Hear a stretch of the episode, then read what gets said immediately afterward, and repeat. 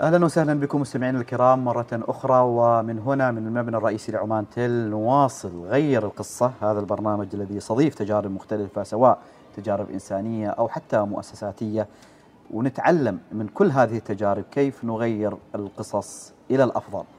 مؤسسة الإمام جابر بن زيد الوقفية من أوائل المؤسسات الوقفية في عمان وغيرت الكثير في مفهوم آه، الوقف في السلطنة. يشرفني أن يكون معي المهندس أحمد بن صالح الراشدي عضو مجلس الإدارة والرئيس التنفيذي لمؤسسة الإمام جابر بن زيد الوقفي. أهلا وسهلا بك. أهلا وسهلا بك أخي سالم وأشكرك حقيقة وأشكر قناة الوصال على إتاحة هذه الفرصة. حياك الله. بلا شك أنه تجربتكم مختلفة يعني أثرت في آه، كل من هو يهتم بالأعمال الوقفية في السلطنة نعم. آه الآن الإخوة في وزارة الأوقاف والشؤون الدينية مشكورين يعني مهتمين بلا نعم. شك بتطوير في مجال الوقف لكن أنتم بديتوا شوية قبل يعني وكنتوا علامة فارقة آه سنة كم بدأت المؤسسة؟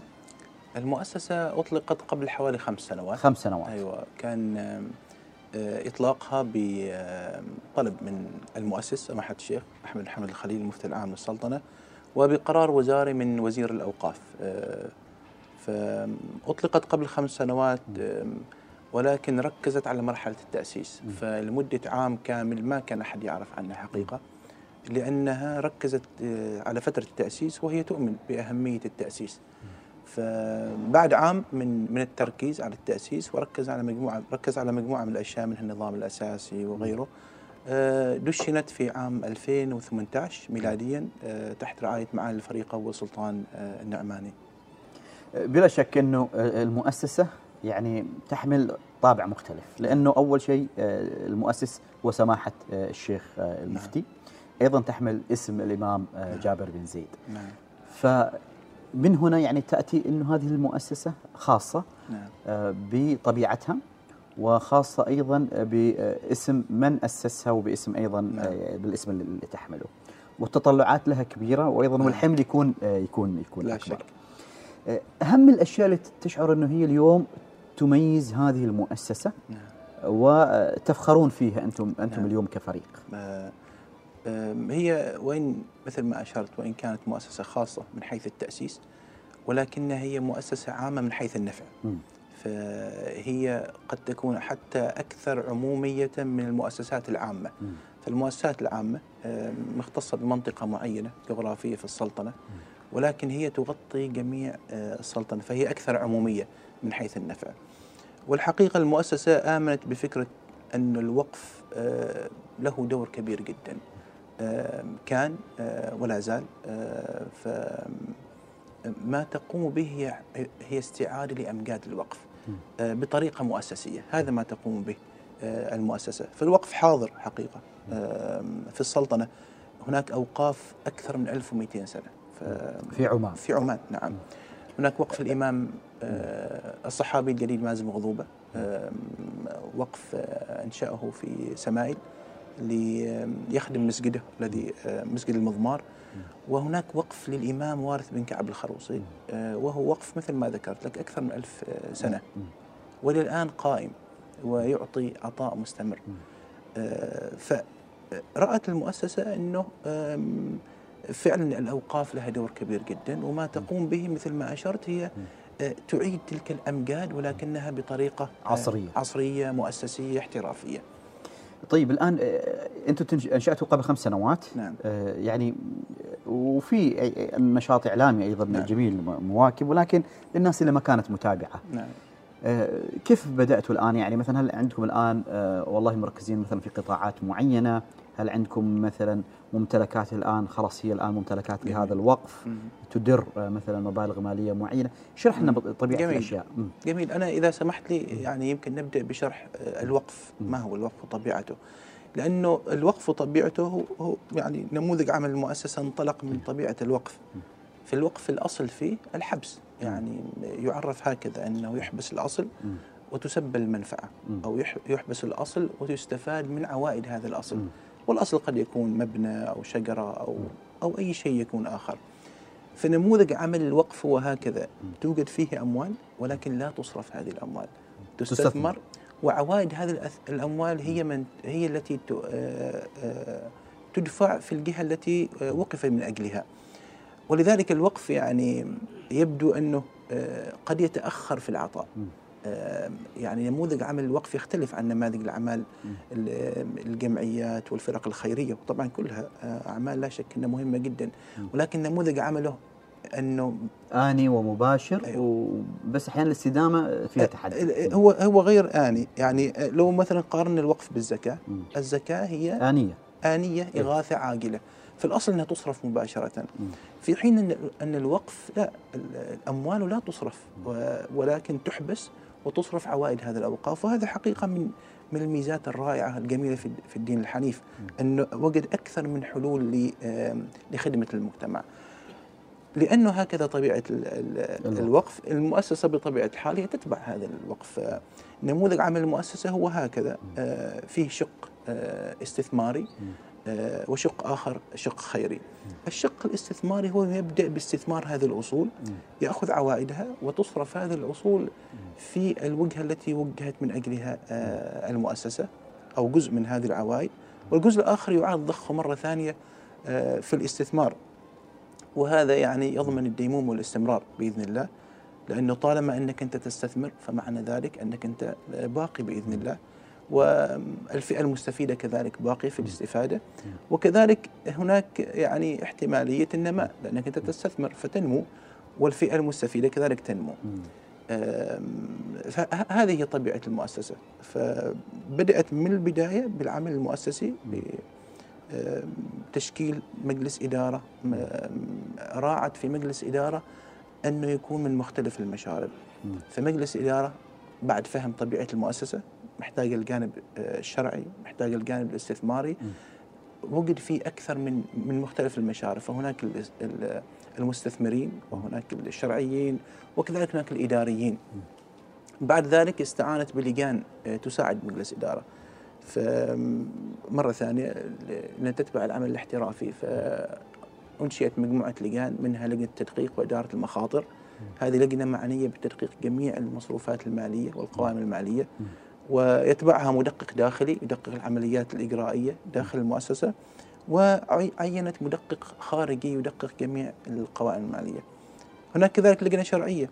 اللجنة الشرعية تضع جميع الضوابط الشرعية للمؤسسة جميع الضوابط في التعاقد وغيره وعينت مدقق شرعي داخلي. فالمدقق الشرعي يدقق جميع الأعمال آه، التنفيذية في المؤسسة ويتأكد أنها متوائمة مع الشريعة ويرفع تقريره إلى اللجنة لجنة اللجنة الشرعية واللجنة الشرعية إلى مجلس إدارة. فهنا يعني احترافية وفصل في الصلاحيات واضح جدا وشديد. حقيقة المؤسسة كذلك يعني أنا أقول أنه جاءت بلجنة وأتصور لجنة حديثة هي أطلقت عليها لجنة- العطاء أو قد تكون لجنة الصرف. اللجنة هذه معنية بالنظر إلى جميع طلبات العطاء التي تقدم المؤسسة أو المبادرات وتقيم جميع هذه المبادرات حسب مصفوفة معينة. تنظر لكل مبادرة من مختلف الزوايا. وبعد ذلك تعتمد المبادرة التي آه، تنطلق المؤسسة في تنفيذها.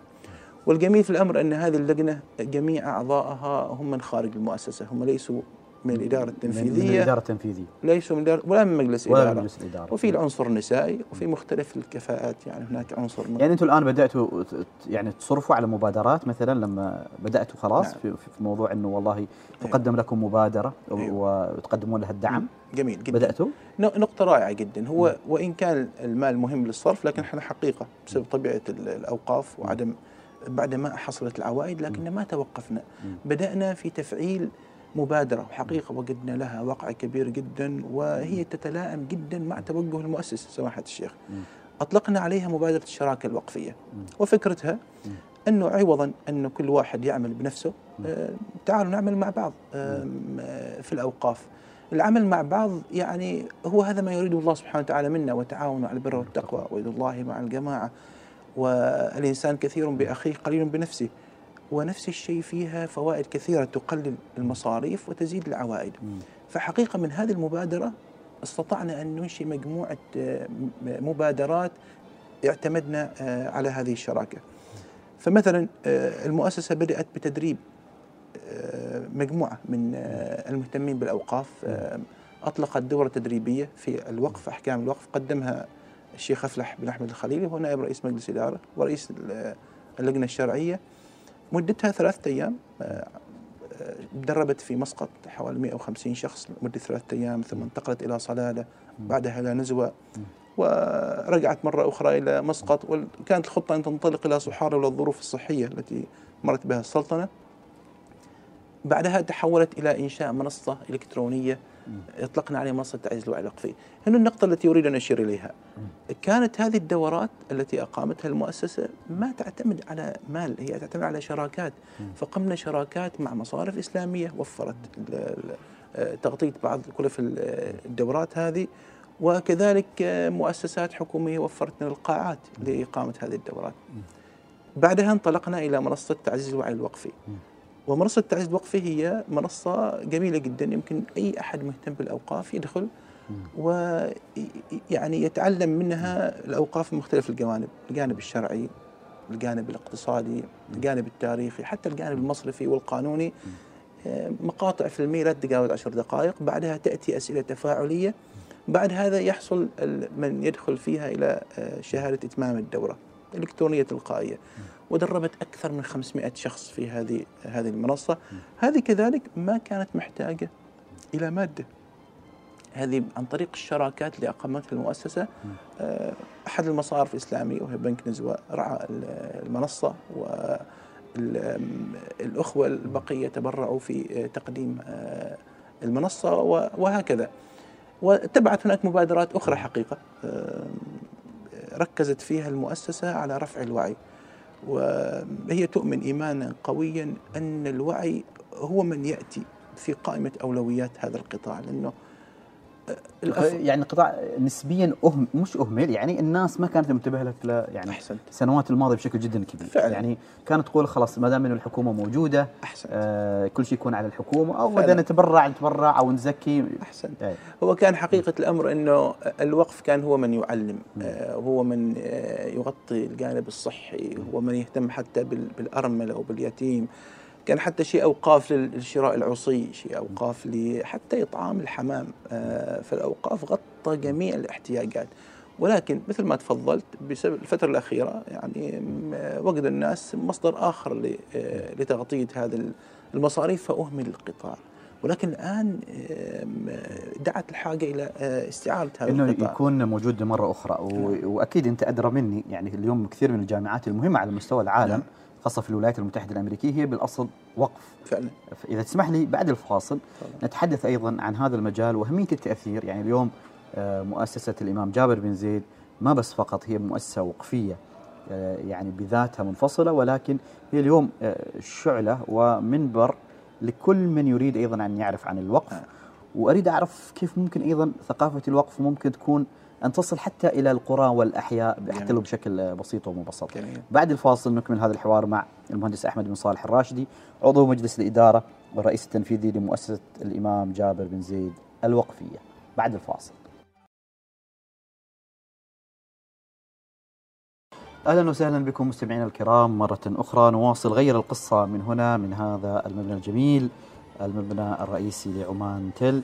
مع المهندس أحمد بن صالح الراشدي عضو مجلس الإدارة والرئيس التنفيذي لمؤسسة الإمام جابر بن زيد الوقفيه أهلا حياك. وسهلا بك مرة أخرى. أهلا وسهلا بك مسألة التوعية بالوقف آه، مسألة مهمة جدا آه، يمكن تكلمنا قبل الفاصل أنه يعني لفترات طويلة الناس أهملت مفهوم الوقف نعم اليوم في ناس تقول لك يا أخي أنا في في القرية الصغيرة عندي أو حتى في الحارة نعم. هل ممكن أسوي شيء وقفي وقانونيا تكون أموره يعني آه، ضابطة من الناحية القانونية.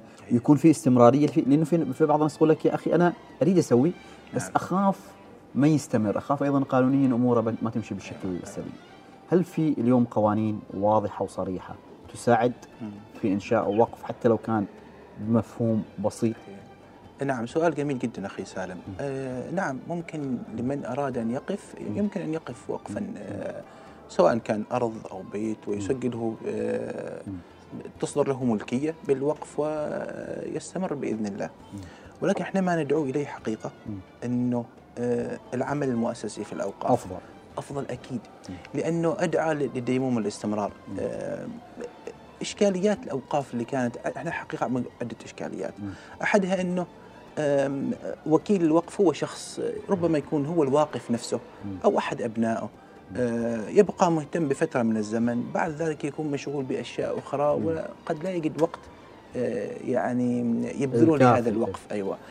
هذا من ناحية من ناحية أخرى آه، ما بالضرورة تكون عنده الكفاءة آه، لأن الوقف آه، يجب أن يكون الوكيل هذا الوقف أو الناظر يكون عنده الكفاءة في الاستثمار لأنه محتاج استثمار والإدارة وكذلك الكفاءة الشرعية. فنحن نرى أن العمل المؤسسي في الأوقاف هو خيار قد يكون الأمثل. والأفضل. والأفضل. طيب إذا تسمح لي آه، الحين واحد يريد مثلا عنده عنده أرض مثلا نعم. ولا عنده حتى فلوس يريد يعني يأخذ فيها سهم وقفي. نعم. هل ممكن والله إنه يخاطب مؤسسة الإمام جابر بن زيد ويقول لكم يا جماعة الخير أنا عندي هذه الأرض. نعم. أو آه، عندي هذا المبلغ ولو هو بسيط من المال نعم. وأريد سهم وقفي. نعم. هل في إمكانية؟ نعم طبعا في إمكانية. إحنا حقيقة آه، ممكن استقبال أي سهم وقفي لأنه هذا ما أراد سماحة الشيخ من هذه المؤسسة أن تكون شراكة للجميع. الجميع يستطيع أن يشارك سواء كان سهما وقفيا بمبلغ نقدي أو حتى وقف عيني. وعندي مجموعة من الأمثلة الجميلة ربما أذكرها. قبل حوالي 20 شهر من الآن أطلقت المؤسسة باكورة مشاريعها آه، آه، الاستثمارية وهو مبنى سكني تجاري في غلا آه، المبنى مساحته أكثر من 5000 متر مربع. قيمته الاستثمارية حوالي مليون و800 ألف ريال عماني منذ أطل... منذ أن أطلقت هذا المبنى فتحت كذلك المجال للمجتمع أن يشارك من باب حب لأخيك ما تحبه لنفسك. مجموع المشاركات التي تدفقت تجاوزت 740 ألف ريال عماني يعني إحنا غطينا تقريبا أكثر من 50% من أو في 50% من المبلغ. أتت عن طريق المساهمات. وكانت المساهمة آه، سهل سهلة جدا لأن المؤسسة أطلقت منصة إلكترونية آه، اسمها منصة السهم الوقفي. يستطيع من أراد أن أن يشارك في هذا الوقف آه، تلقائيا عن طريق الجهاز يختار عدد الأسهم ويدفع عن طريق الدفع يعني الدفع. من كم تقريبا؟ للسهم؟ آه، إحنا سوينا أكثر من سهم. شيء شيء- سهم ريال واحد. شيء سهم ريال. ريال أيوه شيء 10 ريال. وشيء حتى وضعناه بطريقة جميلة. وضعنا أنك يمكن أن تهدي هذا آه، هذا السهم. أجر هذا السهم. فيمكن أن تهدي هذا السهم للوالدة أو الوالد أو أحد الأصدقاء وكذا. ونفس الشيء تأتي رسالة للواقف صاحب السهم وكذلك للموقوف آه، للمهدى إليه. فتأتي رسالة عن طريق النصية أو حتى عن طريق الواتساب. وحقيقة كان لها وقع كبير جدا. حتى أطلقنا هدية العيد. فيمكن في فترة كورونا كان التعايد صعب. فهذيك الفترة أطلقنا هدية العيد فيمكن أن أن تعايد من تريد بأجر آه، وقف يبقى له إلى ما شاء الله. هذا في آه، التدفق النقدي. أنت أشرت كذلك للوقف العيني وهذا حقيقة مهم جدا. مهم لعدة أشياء لأنه الأصل لأن الوقف العيني قد يأتي مباشرة بالأثر. فعندنا حقيقة تجارب وأمثلة جميلة جدا لأصحاب الخير وعمان حقيقة مملوءة بأعمال الخير وأصحاب الخير. فقبل فترة حوالي من آه، ثلاثة أيام آه، أحد آه، أصحاب الخير أوصى أن يقف مبنى للمؤسسة وتوفى رحمة الله عليه. والمبنى قيمته أكثر من نصف مليون ريال عماني ودخله الشهري حوالي ستة ألاف ريال عماني هو ينتقل مباشرة للمؤسسة. المؤسسة تدير هذا المبنى بطريقة احترافية. لا تعتمد على أشخاص ما موجود فيها وكيل شخصي آه، شخص معين وما موجود فيه حرية الرأي. هناك مجالس تديره هناك لجان تنظر إليه آه، تستثمره. وهو كذلك يبدأ بالعطاء مباشرة. فلذلك ال- الوقف ال- في. ميزان حسناته. يعني هو. وقف هذا المبنى نعم. وترك لمؤسسة الإمام جابر بن زيد أن تديره تديره وهذا ممكن طبعا. إحنا كذلك قبل حوالي مجموعة عدة أشهر آه، أحد أصحاب الخير وقف مبنى في بهلة. آم، المبنى على وشك الانتهاء قيمته السوقية حوالي 580 ألف ريال عماني آه، وقفوا المبنى المؤسسة. المؤسسة تقوم بإتمام هذا المبنى وتستثمره. آه، وكذلك تديره. يعني ال- الجميل في الأمر أنك أنت تعتمد على عمل مؤسسي. في الأصل ما تعتمد على أشخاص. عمل مؤسسي يبقى بإذن الله وفي كفاءات مختلفة آه، موجودة. طيب اللي عنده أشياء أقل يعني يمكن هذا المبنى في ميزان حسناتهم يعني مباني شبه جاهزة وكذا نعم. بس الناس اللي عنده مثلا والله تقول لك أنا عندي بس فقط مثلا قطعة أرض أريد نعم. أعطيها أو عندي نعم. حتى مثلا بعض المشاريع ال- الصغيرة أريد نعم. يعني نعم. يعني مثلا تعرف أنت أنا ما أعرف كيف بالنسبة الآن أحيانا لبعض المؤسسات اللي عندها آه، يعني آه، عندها يعني جزء من دخل اليد يكون نعم. جزء يعني نعم. في نوع من الأشياء اللي كانت تملكها تريد جميل تسلمها لكم جميل سواء محلات تجارية أو إلى نعم. آخره هل ممكن؟ نعم ممكن إحنا أخي سالم للعلم آه، قيمة الأصول العينية مم. في المؤسسة الآن تجاوز 3 ملايين ريال عماني 3 ملايين ريال وهي حقيقة مم. من المجتمع مختلفة كانت إما على شكل أراضي بيضاء مم. آه، سكنية وأحيانا أراضي صناعية وشقق ومباني مؤجرة آه، في مختلف الأنواع مم. آه، فنعم الجميع يستطيع أن يشارك آه، وهي من المجتمع وإلى المجتمع ال- آه، أبعد من ذلك أطلقنا أخي سالم ال- وقف الوقت ووقف الفكرة مم. ف كيف يعني؟ يعني يمكن شخص المؤسسة في- بدايه التأسيس محتاجة لكفاءات. بشرية انها تعمل فعندنا شخص آه، أوقف وقته. آه، هو يدرس ماجستير في الإدارة أوقف وقته ثلاثة أيام في الأسبوع يأتي المؤسسة ويقوم بجميع الأعمال الإدارية. فهو واقف لوقته. آه، وكذلك وقف الفكرة. آه، عندنا حقيقة إحنا وإحنا حقيقة هذا من الأشياء اللي وجدناها لا تقل اهميه عن وقف المال. لأن الوقف لأن الفكرة الحسنة تضع المال في المكان الحسن. والعكس صحيح كذلك. فالأفكار التي أتت آه، لا تقل أهمية من الأموال التي دفقت المؤسسة. فمثلا لما أذكر منصة السهم الوقفي كانت هذه حقيقة فكرة. أحد الأخوة أطلقها في المؤسسة أخذتها المؤسسة وطبقتها بالشراكة مع مع شركائها وكان لها أثر كبير.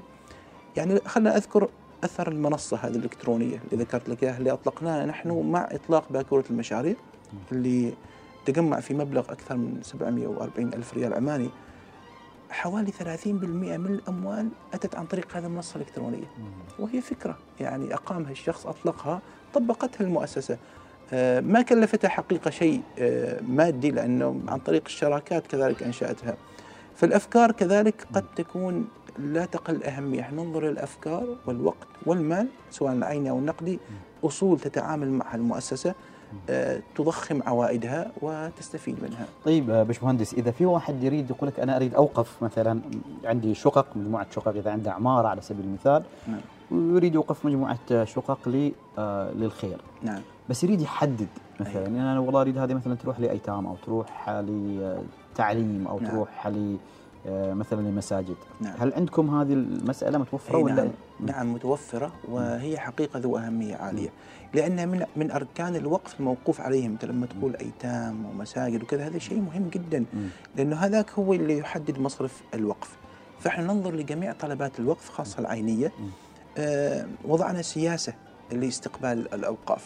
يعني أنا أذكر لك أحد السياسة أنه أي أي طلب لوقف سواء كان الأرض آه بيضاء أو مبنى أو شقة مثل ما تفضلت. آه، أول عمل تقوم به المؤسسة هي عينت آه، طرف ثالث شركة طرف ثالث تنظر إلى هذا العقار وت- وتعمل له تقرير فني ومالي يخبرنا كم العقار هذا آه، كم قيمته السوقية وكذا.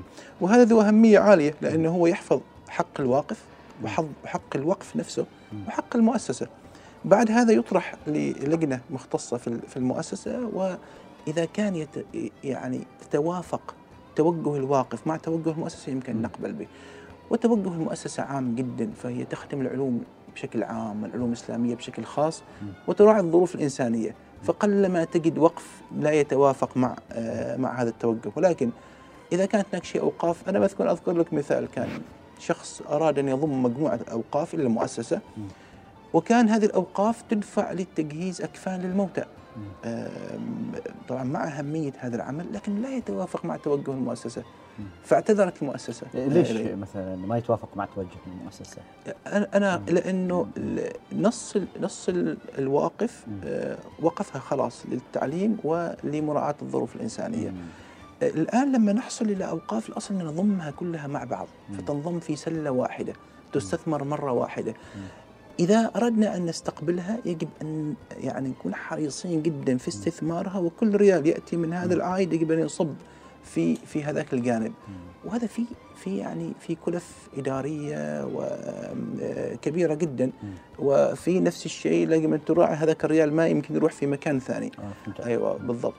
لكنه أغلب الاوقاف أغلب الحقيقة الذي يطلبوا الأوقاف هم يقولوا خلاص إحنا نريدها مثل ما المؤسسة تريد. مثل ما المؤسسة ترى وتعتقد إنه هو إنه هو أنسب. تعتقد هو الأنسب يعني بلا شك إنه مسألة المساجد أيضا مسألة حتى يعني مراعاة الأيتام نعم. وإلى آخره مسألة جدا مهمة. لكن اليوم الوقف يعني لمجالات ربما معاصرة. نعم. عندكم اتجاه لهذا الموضوع. جميل. إيش أهم المجالات اللي تعتقدوا إنه الآن هي أساسية ويجب التركيز عليها؟ جميل. جميل جدا. آه، شوف أخي سالم أنا كنت حقيقة أنا كنت اتصور وأتوقع الكثير يتصور. عندما يذكر القطاع الوقفي و- وإشكالاته كان ربما يرى ال- الاستثمار هو أكبر داعي أكبر تحدي في الأوقاف. وأنا حقيقة وجهة نظري آه، وجدت أنه الرفع رفع مستوى الوعي هو من يأتي اولا والاستثمار يأتي لاحقا. لو رفعنا مستوى الوعي في المجتمع والقائمين على الأوقاف بأهمية استثمار الأوقاف تلقائيا الناس يتوجهوا للاستثمار وبآليات الاستثمار والأدوات المتاحة. ولو كذلك رفعنا مستوى المجتمع لعوائد الأوقاف وأثرها في المجتمع تلقائي الناس ستهتم بالأوقاف فالاستثمار يأتي لاحقا. ولذلك إذا سمحت أنا أذكر لك كيف المؤسسة ترجمت هذه هذه النقطة. آم، المؤسسة ترجمتها في عدة مبادرات. أحد المبادرات أطلقت برنامج الوقف حياة ربما سمعت عنه قدم في التلفزيون العماني رمضان الماضي آه، قدمه ال- آه، آه، المقدم المذيع محمد المرقبي. هذا غطى الأوقاف في عمان في 30 حلقة. من مسندم إلى صلالة من الجنوب إلى الشمال ومن الشرق إلى غرب عمان وذكر كل الأوقاف الموجودة. هذا لا شك كان له دور في رفع الوعي. هناك برنامج إذاعي كذلك أطلقته المؤسسة برنامج أثر في رمضان الماضي آه، النسخة الأولى وهذا رمضان كذلك النسخة الثانية. نفس الشيء المؤسسة أطلقت أو عملت على آه، إطلاق آم، الملتقى الوقفي وهو أكبر تجمع آه، أو ظاهرة وقفية في عمان. نجمع جميع المهتمين بالأوقاف. بلغ النسخة الأولى يمكن تجمع حوالي 300 شخص آه، ناقشنا فيه مشكلات الأوقاف وتحدياتها. وقدمنا فيه ورش عمل لجميع الحاضرين وأحد الورش التي قدمناها التسويق الاحترافي للأوقاف وورش للاستثمار وكذا. النسخة الثانية آه، كانت حول الاستثمار. فأتينا بتجارب آه، من حتى دول الجوار من آه، المملكة العربية السعودية من ماليزيا وغيره.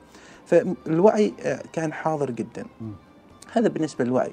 بالنسبة للاستثمار وسؤالك حقيقة جميل جدا الآليات الحديثة والأدوات الحديث- حديثة الاستثمار. المؤسسة حرصت على آه، عكس الشراكة الوقفية حتى في الاستثمار فبحثت عن استثمار يأتي بائتلاف لجميع الأوقاف. وجدت حقيقة هناك عدة مشاكل في, الأو... في الاستثمار الوقفي. أحد المشاكل أن موجودة أوقاف متعددة لدى وكلاء أوقاف ولكن الذي يمنعهم عن الاستثمار مجموعة أشياء. أحدها أن المبالغ التي موجودة عندهم ما كبيرة جدا. يعني عند أوقاف خمسين ألف مئة ألف سبعين ألف أو خمسة عشر ألف. ما كبيرة كفاية أنك تروح وتبني مبنى مستقل بنفسه. فهذه أحد الإشكال. الإشكال الثاني ما كل وكلاء الأوقاف لديهم الدراية حقيقة في الاستثمار. فيعرف هنا يستثمر الأوقاف له خصوصية في الاستثمار. الأصل أنك تحافظ على رأس المال. ولا ما تدخل في استثمارات مخاطراتها كبيرة جدا. الشيء النقطة الثالثة ما موجود التفرغ. وكيل الوقف هو حقيقة. ما عنده وقت. ما عنده طيب وقت. باشمهندس أنا بس يعني على أساس اغارب يعني على أساس أيضا أقارب مع التجربة الغربية. أيوة. يعني آه، في كثير من ال- يعني آه، الناس اللي يشتغلون في الاستثمار نعم. وعندهم حتى مشاريع يحرصون إنه يسوون عروض مثلا للمؤسسات الوقفية نعم. الكبيرة عشان تستثمر معاهم. نعم.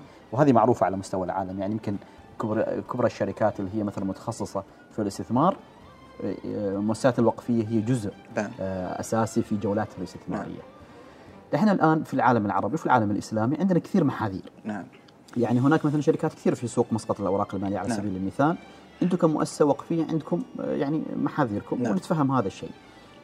كيف تقرروا إنه والله تحط تستثمرون في هذه المؤسسة مم. غير عن المؤسسة الأخرى؟ أي جميل جدا أنت لو, سمحت أنا أكمل النقطه اللي قلتها قبل مم. إيه، هو نفس الشيء يجيب هذا السؤال حقيقة مم. لما قلنا التحديات الموجودة الثلاثة اللي ذكرناها مم. كان الحل رأت المؤسسة أن تطلق أول صندوق استثماري وقفي مدرج في سلطنة عمان مم. يكون مدرج في بورصة مسقط مم. وهذا حقيقة قمناه بالشراكة مع آه، شركة أوبار كابيتال. آه، نظرا للتجربة في دول الخليج. وحتى دول في دول العالم مم. آه، هذا فكرة هذا الصندوق أنه يفتح المجال لجميع الأوقاف وكلاء الأوقاف. أنهم يضخوا أموالهم الوقفية التي هي قلنا مثل ما قلنا صغيرة. تتجمع وتكون كبيرة بإذن في الله. هذا الصندوق. في هذا الصندوق. إحنا إحنا نتوقع يوصل 5 ملايين ريال عماني آه، مبدئيا. وهذا الصندوق آه، يعني مسجل في هيئة سوق المال. بالتالي في أعلى مع أعلى الشفافية والحوكمة وغيره. وكذلك يوكل على على شركة تديره شركه Ubhar Capital هي من تدير هذا الصندوق وعندها جميع الاحترافية. ال- جوابا لسؤالك كيف يقول هذا الصندوق هل أستثمر في هذه الأسهم أو لا؟ ويمكن حتى يستثمر في دول الخليج بالمناسبة. هناك لجنة شرعية حرصت المؤسسة أن آه، تنشئها تابعة لهذا الصندوق وهي متخصصة تخصص تام في استثمار في سوق المال. هي من تضع الأطر الشرعية لمدير الصندوق أن يستثمر. آه، حسب هذه الأطر الشرعية هي من تعطي المجال وحقيقة المجال موجود جدا آه، آه، مساحة موجودة للاستثمار الشرعي. بهذه الطريقة إحنا حلينا النقاط الثلاث اللي قلناها والمؤسسة أطلقته هذا من أجل القطاع الوقفي. حقيقة الأمر المؤسسة بعد إطلاقه وإدراء إحنا نتمنى أن ندرجه الاكتتاب في الأشهر القادمة. المؤسسة ستكون أحد المستثمرين فيه تبقى هي مؤسسة. له ولكن الفائدة تعم الجميع. فهذا أحد الأمثلة ربما جوابا لسؤالك لأدوات الاستثمار الحديثة. وكذلك آه، ربما يجيب لسؤالك كيف نحدد هذا الاستثمار في أي نوع من الاستثمار آه، آه، يدخل؟ طبعا لأنه وقف فالصندوق يختلف عن باقي الصناديق الاستثمارية. ال- لأنه وقف ال- الاستثمار في الوقف الأصل فيه أنك تحافظ على رأس المال. هذه ترجمناها في توزيع الأصول اللي يسمى الأسيت ألوكيشن فوزعت الأصول بطريقة أنها آه، تكون محافظة ما ليست جريئة في الاستثمار وجزء منها يعني حوالي 30% أو كذا في الاستثمار شبه آه، الجريء طبعا هذا ينعكس على العائد فالعائد ما يكون 15 أو 20% لكنه يكون نتوقع من 8 إلى 10% وهذا عائد مجزي نتوقع في هذا النوع من الاستثمار طبعا لأن أنت مراعي أن تكون المخاطرة أقل دائما. صناديق الوقف حتى حول العالم دائما كذا. طبيعتها لأن الأصل أنها تحفظ رأس المال طيب. يعني بلا شك أن تجربتكم آه، مهمة جدا وتجربة صحيح في نشاط إعلامي آه،. جبار أيضا من قبلكم إذا تسمح لي بعد الفاصل نكمل هذا نعم. الحوار والحديث أيضا عن هذه المؤسسة التي طيب. تغير آه، قصة الوقف في طيب. سلطنة عمان بعد الفاصل أهلا وسهلا بكم مستمعينا الكرام مرة أخرى في غير القصة ورحب مرة أخرى بالمهندس أحمد بن صالح الراشدي عضو مجلس الإدارة والرئيس التنفيذي لمؤسسة الإمام جابر بن زيد الوقفي. أهلا وسهلا بكم حياك الله سامي يعني عند الحديث آه، بلا شك عن ال- الأوقاف آه، بشكل عام آه، هناك فترة من فترات دائما يعني يأتي تساؤل أنه الأوقاف ستكون مهملة لظروف. آه، يعني نحن لا نشكك بلا شك بتجربة وزارة الأوقاف والشؤون الدينية لكن فعلا في وقت من الأوقات آه، شعرت بعض الناس أنه والله أنا أعطي هذا الوقف ليدار من قبل الجهات الحكومية. وما كان في الاجتهاد اللي هو توقعه. هل هذه الصورة اليوم راح تتغير من خلال المؤسسات الوقفية؟ نعم. وأيضا التحديات اللي كانت موجودة أه، ربما أنت مطلع عليها أكثر مني وأكثر من الآخرين. برأيك إيش كانت التحديات اللي خلت كثير من الناس توصل تقول لك أنا ما أريد أعطي الوقف مالي لوزارة الأوقاف. جميل جدا. أنا أرجع مرة ثانية وأقول التركيز على الوعي رفع الوعي. يعني لو لو الوعي عند من؟ عند من ي... الجميع سواء كان ال- الجهات المنظمة مم. أو الوكلاء الأوقاف أو الموقوف عليهم. مم. أنا أتصور محتاج هذا الوعي. أنا أذكر لك مثال بسيط جدا. في الجانب المحاسبي وأنا بحكم اختلاطي وكذا يعني تسمع أحيانا وكيل وقف يقول أنا يا آم، هو يأخذ المال ربما وقف قد نقول دخله مثلا ألف ريال شهريا. هذا الوقف للأيتام يصرف للأيتام. فتجده أنه مؤجر برسوم قليلة جدا جدا. ولما جيت تسأله هذاك الوكيل هو بحس النية يقول لك يا أخي هذا أنا مأجر إنه واحد من الفقراء. فقير مأجر إنه آه، هو جالس آه، يستفيد من ما أريد أخذ منه فلوس كثيرة. لكن أنا وجهة نظري أنه هو ما وضع المال في في محله الصحيح الأصل الألف ريال الدخل هذاك لو أجره ب 100 ريال هو الأصل الألف يروح لل- للأيتام. للأيتام. لكن هو حقيقة 900 ريال راح للفقير. فما راح في المكان الصح. هذا من ناحية. من ناحية أنه أجروا بهذا. هذا ال- الثمن البخس الالتفات له والاهتمام ما يكون كبير جدا. ولذلك تجد كثير من الأراضي آه، المستأجرة أوقاف آه، مهملة. لأنه المستأجر لا يدفع لها مبلغ كثير. شيء أحيانا 10 ريال 15 ريال أو أقل من ذلك أو أكثر فهو ما لا تعنيه لا يهتم بها كثير ما جالس يصرف لها كثير لكن له حين إنه دفع لها القيمة السوقية فبالتالي هو في في موضع إما أن يستثمرها ويأخذ منها. العائد الصحيح أو إنه يتنازل عنها ويأخذها شخص آخر وهذا اللي هو المفروض آه، يحدث. الجانب المحاسبي أخي سالم. أنا وجهة نظري ما يكفي إنه الإنسان يقول أنا خلاص سويت اللي علي وأنا أنام وأنا مرتاح. طيب هل هذا صحيح؟ أنا لا أعتقد انه هذا صحيح. الأصل أن الإنسان لا يحاسب نفسه بنفسه لا يقيم نفسه يحاسب نفسه. يكون شخص آخر. يكون شخص آخر. آه، وحتى الشخص الآخر الذي يأتي ويحاسبه يجب أن يحدد المعيار الذي يحاسبه به. يعني قبل لا تحاسبني ما هو المعيار الذي تود أن تحاسبني به؟ آه، هذه تجدها حاضرة في العمل المؤسسي. فمثلا مؤسسة الإمام قال بن زيد لديها لجنة تدقيق وإدارة مخاطر. عينت محاسب خارجي يحاسب جميع التدفقات المالية ومحدد المعيار. هناك معيار الأيوفي معيار الأوقاف الأيوفي المحاسب آه، الأيوفي للأوقاف هو من نحتكم عليه. فهذاك الوقت أنا أقول فعلا يعني أنا أعمل شيء وشخص ثاني يراقب هذا العمل ويحاسبني على حسب معيار. أنا أظن أن هذا ما موجود للأسف ويحتاج أن كل أحد وكيل أو ناظر الوقف أن يراجع نفسه.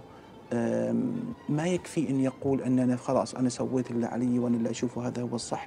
يجب أن يكون شخص آخر فعلا آه، آه، يتابع عمله ويحتكم إليه. آه، أتصور مثل هذه الأشياء اللي هي اللي ساقت الأوقاف آه، مجموعة من الأوقاف إلى إلى مسار حقيقة ما كان مفروض تذهب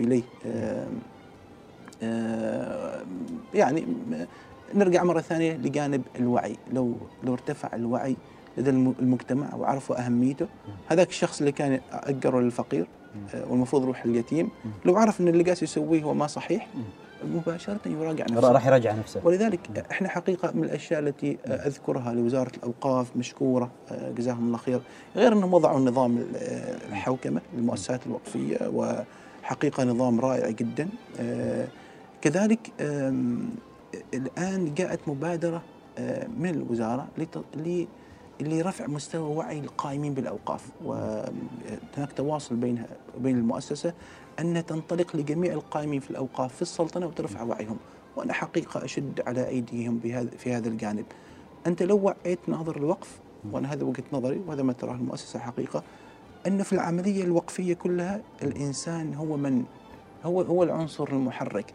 وهنا يتمثل في الواقف. آه، نفسه. لو عرف الواقف آه، أو أو آسف النا- الم- الوكيل لو عرف اهميه الوقف واستثماره شرعيا واستثماريا واداريا خلاص تلقائيا هو يتصرف بالطريقة الصحيحة. الصحيحة. حتى الموقوف عليهم المستفيدين. الأصل إنهم هم أم هذه أموالهم. هم هم يروحوا ويقولوا حل وكيل الوقف أنت ما صرفت الأموال في حقها في مكانها. هذه أموال لأيت- الايتام أنت ما أتيت لنا بالأيتام أنت صرفتها للفقراء أنت صرفتها لجانب آخر. فهم لو ارتفع الوعي عندهم إنه هذه أموالهم يستطيعوا أن يقوموا ويطالبوها. هناك مقولة حقيقة عن الأوقاف آه، يعني تشبيهية وربما تقرب الصورة. يقال أن الأوقاف هي مال يتيم لن يبلغ. فالأصل مال اليتيم هو ضعيف لأنه يتيم إلى أن يبلغ ويأخذ المال ويديره بنفسه. الأوقاف شبيهة جدا ولكنها اليتيم هذا لا يبلغ. آه، يبقى يتيم. إلا إذا قام الوكيل مقامه آه، قاموا بدوره آه، الذي يقوم به. في ناس لسه عندها مفهوم الوقف مرتبط بالوصية إيه. وإنه هي خلاص الوقف يبدأ من بعد موت ال- الشخص. بس في إمكانية إنه يبدأ وهو حي. جميل جدا حقيقة. يعني آه، إلى أي مدى عندكم تشوفون إنه صارت الناس تتقبل هذا الموضوع بشكل أكبر؟ فعلا. ولا مدى تشوفوا لا في تحديات نعم. البعض ما زال غير مقتنع؟ أنا أنا أتوقع واحدة من النقاط المهمة جدا والحين أستحضر أستحضر القصة ربما ذكرت لك إياها إنه كان أحد الأشخاص راح يوم من الأيام لأبوه ويقول له إنه يا أبوي زين توقف آه، هو كان من الأثرياء. والوقف فيه خير وكذا. الاب نظر نظرة استغراب. يقول يا ولدي إيش بغى إني أموت من الحين يعني؟ في الزمان علي وكذا أنا كاتب وصيتي وكذا. فقالوا لا الوقف هو مختلف. آه الوصية ما بعد الموت لكن الوقف يمكن أن يعمله الإنسان في حياته. والميزة حقيقة انه انه العمل الخير في أثر حقيقة في أثر كبير جدا. في أثر للإنسان نفسه يراه في حياته وكذلك يراه ما بعد آه، موته. فالأحرى أن الإنسان إذا كان يريد يعمل خير يعمله الآن. والوقف يغطي هذا الجانب. وهي تكملة القصة إنه بعد ما أوقف الآب ونمى الولد هذا العقارات آه، الوقفية كان يرى أثر آه، أثر هذا هذا العمل الخير في العائلة نفسها. هناك كانت كثير من الخلافات اللي تسوا بينهم. آه، اختفت تماما وكانوا يروا البركة في في في في في العائلة. فالإنسان حقيقة يعني من الأحرى أن يرى أثر عمله في حياته. يعني خلينا نكلمك في شيء آخر اللي هو أيضا إنه في ناس تريد تقول لك يا أخي أنا أريد أوقف هذا الشيء لي آه، ربما أشياء يعني أريد أنمي مثلا قطاع معين. نعم. أريد مثلا أنمي قطاع البحث العلمي. جميل. أو أريد فقط إني أنا أنمي فقط هذه القرية. رائع. يعني ممكن هذا يعني عندكم مثلا في المؤسسة نعم. يجيك واحد يقول لك أنا أريد فقط الوقف اللي نعم. آه، عوائد هذا الوقف تروح لأبعث الناس فقط يدرسوا هذا المجال. ممكن جدا. يعني هذا ميزة الوقف. وهذه ميزة إحنا دائما نقول إحنا نقول الوقف حياة يعني لأنه فعلا هو حي. هو هو كائن حي يعني. منذ منذ عصر الصحابة كان يوقفوا الناس للفقير والأيتام. إلى فترة أوقفوها لأشياء إلكترونية. الآن آه، تجد وقف آه، للتطبيقات الإلكترونية وقف للمصحف الإلكتروني آه، يخدم هذا هذا الجانب. فنعم ممكن تحديدها. وحقيقة هناك مؤسسات وقفية في عمان يعني التفتت لهذا الجانب. فهناك مؤسسة تابعة لوزارة التعليم العالي والبحث العلمي سراج معنية بالبحث العلمي. وهناك مؤسسات أخرى معنية بشيء آخر. فنعم ممكن أنتم في مؤسسة الإمام جابر بن زيد هل في يعني فقط قطاعات معينة ولا عندكم نعم. قطاعات مفتوحة؟ إحنا إحنا حقيقة شوف الوقف ما بين ما بين أمرين. إما أن يكون خاص جدا الموقوف عليه الجهة خاصة جدا وهذا في ضيق في تضييق. ويمكن أذكر لك مثال. أو إنه يكون عام جدا وهذا في نفس الشيء عمومية كبيرة. فأضرب لك مثال على الخاص. شيء هناك أوقاف في عمان آه، كانت لمرض الجذام آه، ومرض الجذام الحمد لله اختفى من من العالم. آه، موجود في نزوة وموجود في سمايل وهذا الوقف يعني يصرف لهذا المرضى لعزلهم وكان في موجود عزل وكذا مثل ما كان يستوي في كورونا. وكان خاص للجذام. هذا مثال للوقف المحدد. طيب هذا المرض خلاص اختفى. فإيش الحل الحين؟ ما ممكن الوكيل الوقف يغيره مباشرة. يعني لازم يرجع للفقيه الشرعي إنه يغيره ويروح ل طيب نشوف خلي علاج الأمراض أو علاج مثلا الأمراض المتعلقه بالعين وغيره. المثال الآخر هو وقف خيري وقف جدا مفتوح. آه وطبعا هنا يبقى مفتوح جدا يعني. لكنه حقيقة الواقف قد يكون له رغبة في جانب آخر. هو هو متعلق بالأيتام هو يحب الأيتام فيجعل أوقافه للأيتام. هو مثلا لا يرى أن العلم هو له أهمية كبرى وحقيقة هذا ما يراه المؤسس لأن التعليم المتعلم له اليد العليا أنك أنت إذا علمت الشخص هو يستطيع لاحقا أن يعمل لنفسه ويقيم عائلته وغيره. آه فالمؤسسة انتهجت وضع الوسط. آه وقفها ما ضيق جدا ولا كذلك مفتوح جدا. فهو لخدمة العلوم بشكل عام العلوم الإسلامية بشكل خاص ومراعاة الظروف الإنسانية. ففي في بند لمراعاة الظروف الإنسانية. من يحدد هذا البند والنسبة هم مجلس إدارة. آه، فمثلا في بند مراعاة الظروف الإنسانية شاركت المؤسسة في آه، إعصار شاهين وكان إعصار قبل فترة في ظفار آه، مكون وأعتقد اسمه. وفي في كورونا كذلك كانت شيء مساهمات مالية. هذا من بند ظروف الإنسانية. لكن حقيقة المؤسسة ترى أنه توجهها خلينا نقول 80% للتعليم. آه فمهتمة جدا بالتعليم. العلوم الدي الإسلامية الدينية وأيضا أي العلوم نعم. الأخرى. أيوة نعم. هو حقيقة شوف يعني هناك لبس حقيقة. أنا يعني ما ممكن نقول مثلا علوم الهندسة والطب أنها ما دينية. آه هي تخدم الدين الإسلامي.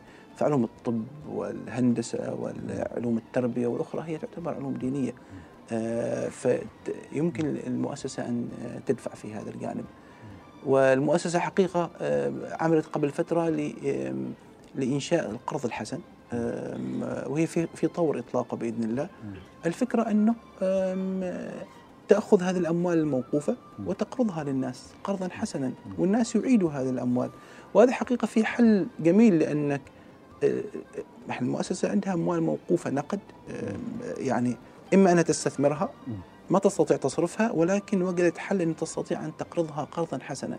فتقرض للمتعلمين ويعيدوها كذلك. هذا هذا المشروع جالسين نعمل عليه.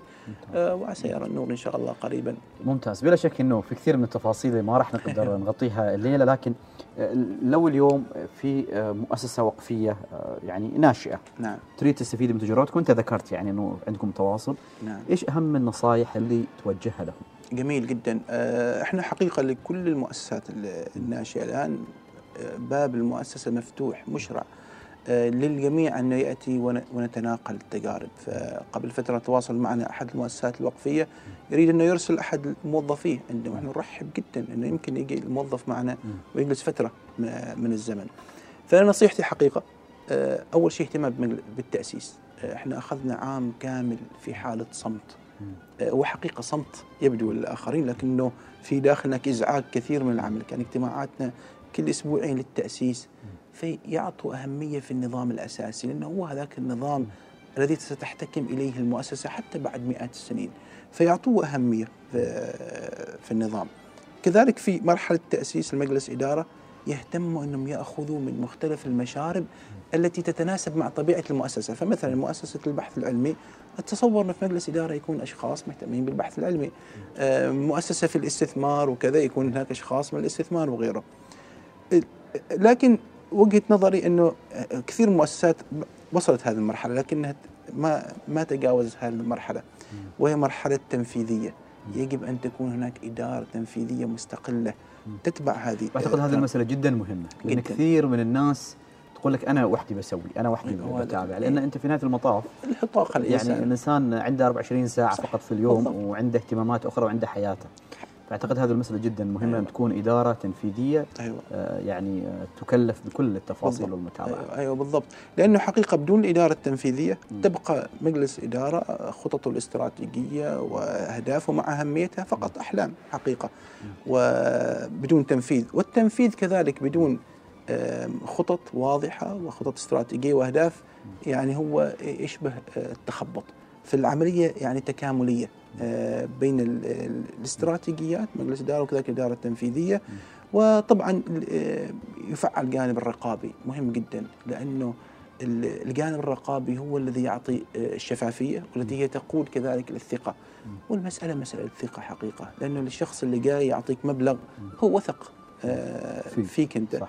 ويتمنى إنك أنت تضع المال هذا في المكان المناسب.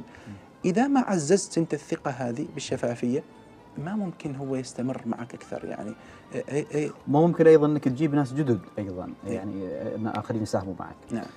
أنا بس قبل الختام إيش الكلمة اللي دائما آه، سماحة المفتي حفظه الله دائما يقول لك يقول لكم إياها؟ يعني نعم. إيش الكلمة اللي دائما في الاجتماعات نعم. آه يصر عليها ودائما يذكركم فيها؟ هو سماحة الشيخ حفظه الله مهتم جدا. إحنا لدينا عندنا اجتماع سنوي نعرض له التقرير المؤسسي وحقيقة يهتم بجميع التفاصيل.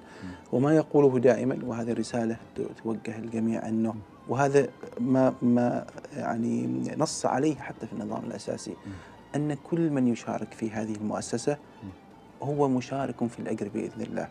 آه، يتقاسم الأجر مثل ما يتقاسم المؤسس الجميع آه، يتقاسم الأجر سواء شارك بفكرة أو بكلمة حسنة أو بمبلغ آه، سواء نقدي أو عيني.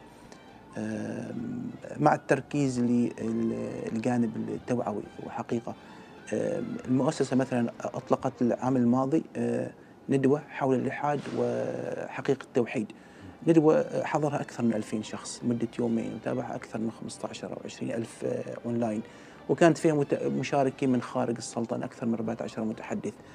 كان الشيخ جدا حريص على مثل هذه آه، إقامة مثل هذه الندوات وأصر ووجه حقيقة أنه المؤسسة تستمر في هذا في هذا الجانب. المؤسسة إن شاء الله على آه، هدف إطلاق ندوة أخرى آه، ربما في شهر أكتوبر القادم آه، حول القيم الأخلاقية وتعزيزها في النشء وهذا حقيقة يتوافق مع توجه صاحب جلالة السلطان هيثم حفظه الله باهتمام رفع النشء وتربيتهم على القيم والأخلاق. شكرا جزيلا لك المهندس أحمد بن صالح الراشدي عضو مجلس الإدارة والرئيس التنفيذي لمؤسسة الإمام جابر بن زيد الوقفيه شكرا لك. العفو أنا حقيقة من أشكرك وأشكر قناة الوصال على هذه الفرصة. واجبنا نحن نشكر وجودك. بلا شك. تجربة مؤسسة الإمام جابر بن زيد الوقفية تجربة مهمة وغيرت قصة مسار الوقف في سلطنه عمان شكرا جزيلا لكم مستمعينا. تحيات كل فريق العمل. إلى اللقاء.